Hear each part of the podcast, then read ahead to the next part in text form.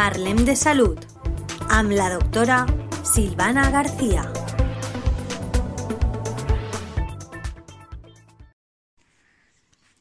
Buenas tardes, oyentes de la Tegua Radio, otro jueves más juntos y hoy hablaremos de, de, la pubertad. ¿Qué es la pubertad? Es el nombre que se le da a la época en que comienza a desarrollarse el cuerpo, cuando el cuerpo pasa por cambios que convierten a un niño en un adulto.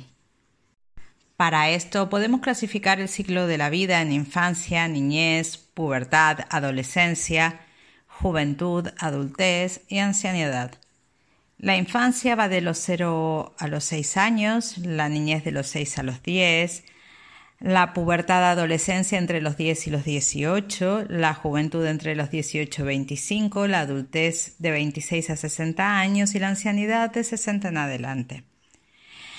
La pubertad se encaja entre los 10 y los 12 años. Está claro que muchos niños comienzan un poquitito antes y pueden acabar un poquitito después pero más o menos está dentro de ese rango de edad. ¿Y qué es lo que pasa? Es un periodo en la vida en que la, en la persona aparecen cambios hormonales, emocionales, físicos y el cuerpo se prepara para la reproducción.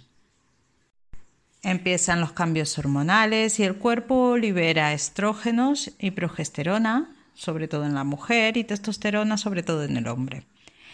Estas hormonas envían mensajes al cuerpo y hacen que se preparen para esos cambios físicos, influencian sobre esos cambios físicos. ¿Y qué es una hormona? Se denomina hormona a la sustancia segregada por determinadas glándulas que promueve, bloquea o regula la actividad de los órganos. El crecimiento, el metabolismo, el estado anímico, el funcionamiento sexual son algunos de los procesos influenciados por las hormonas que llegan a los diversos tejidos mediante la sangre. Un pequeño cambio en cantidad normal de hormonas puede provocar un gran desequilibrio en el organismo. Al inicio de la pubertad, el hipotálamo produce la hormona liberadora de hormonas gonadotróficas, estimulando a la hipófisis, la que va a producir las hormonas gonadotróficas, perdón, LH y FSH. A nivel del ovario se producirán el estrógeno y la progesterona y del testículo la testosterona. ¿Qué cambios físicos podemos encontrar? Tanto en niños como en niñas va a haber un aumento de estatura, un crecimiento de vello púbico y axilar, un cambio en la voz.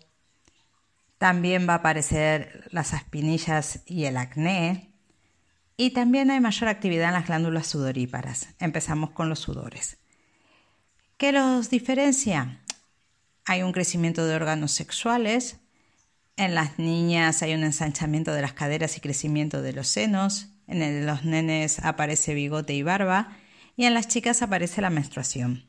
Dentro de los cambios emocionales podremos ver cambios bruscos de estado de ánimo, sentimiento de incomprensión. Las amistades cobran un rol fundamental, el estrés aflora con facilidad, empieza a sentir una atracción parecida al enamoramiento, también se busca tener su propio espacio e independencia. Muchas veces hay un rechazo de normas que no agradan o que puedan estar impuestas por los padres u otras personas. También hay mayor preocupación por la imagen corporal, entonces los niños pueden estar o, o, muy tristes o muy alegres, muy pensativos, con miedos. Hay que ponerse en lugar de ellos. ¿Qué podemos hacer? Además de ponernos en lugar de ellos, Debemos hacerles ver que no deben compararse con los demás, que hay que resistir el impulso de darle demasiada importancia al físico, que tienen que intentar ser positivos, porque estos cambios físicos los hemos pasado todos y todos los tienen que pasar. También los cambios emocionales son cambios que tenemos que pasar para poder hacernos mayor. También hay que aprender, tienen que aprender a controlar los gustos y las emociones para saber que no son ellas las que controlan a la persona, sino que cada uno puede controlar sus emociones. También es bueno poder hablar con los padres o con otro adulto en quien confíes, siempre una persona relacionada a la familia, al entorno familiar. Es una época en que los niños pueden sentir el, querer hablar con una persona mayor que sea desconocida porque sienten menos vergüenza de que puedan, de que puedan juzgarlo y eso a veces es peligroso. Los niños al principio pueden sentirse incómodos pero bueno, se sabe que al recibir ayuda de su padre o a un adulto de confianza, eh, el esfuerzo valdrá la pena. Tienen que intentar que los pensamientos negativos no los dominen. Y si la gente habla de cómo van cambiando, no hay que hacerles caso. También hay que intentar ser positivo y hacer ejercicio y descansar bien, ya que una persona que duerme bien y hace ejercicio no está estresado ni triste. Para complementar este tema, les recomiendo oír los consejos entre 11 y 12 años y de 12 y de 14 a 17 años que he estado hablando en programas anteriores. Muchas gracias por estar. Los invito a compartir y espero que les haya gustado. Un saludo, Silvana.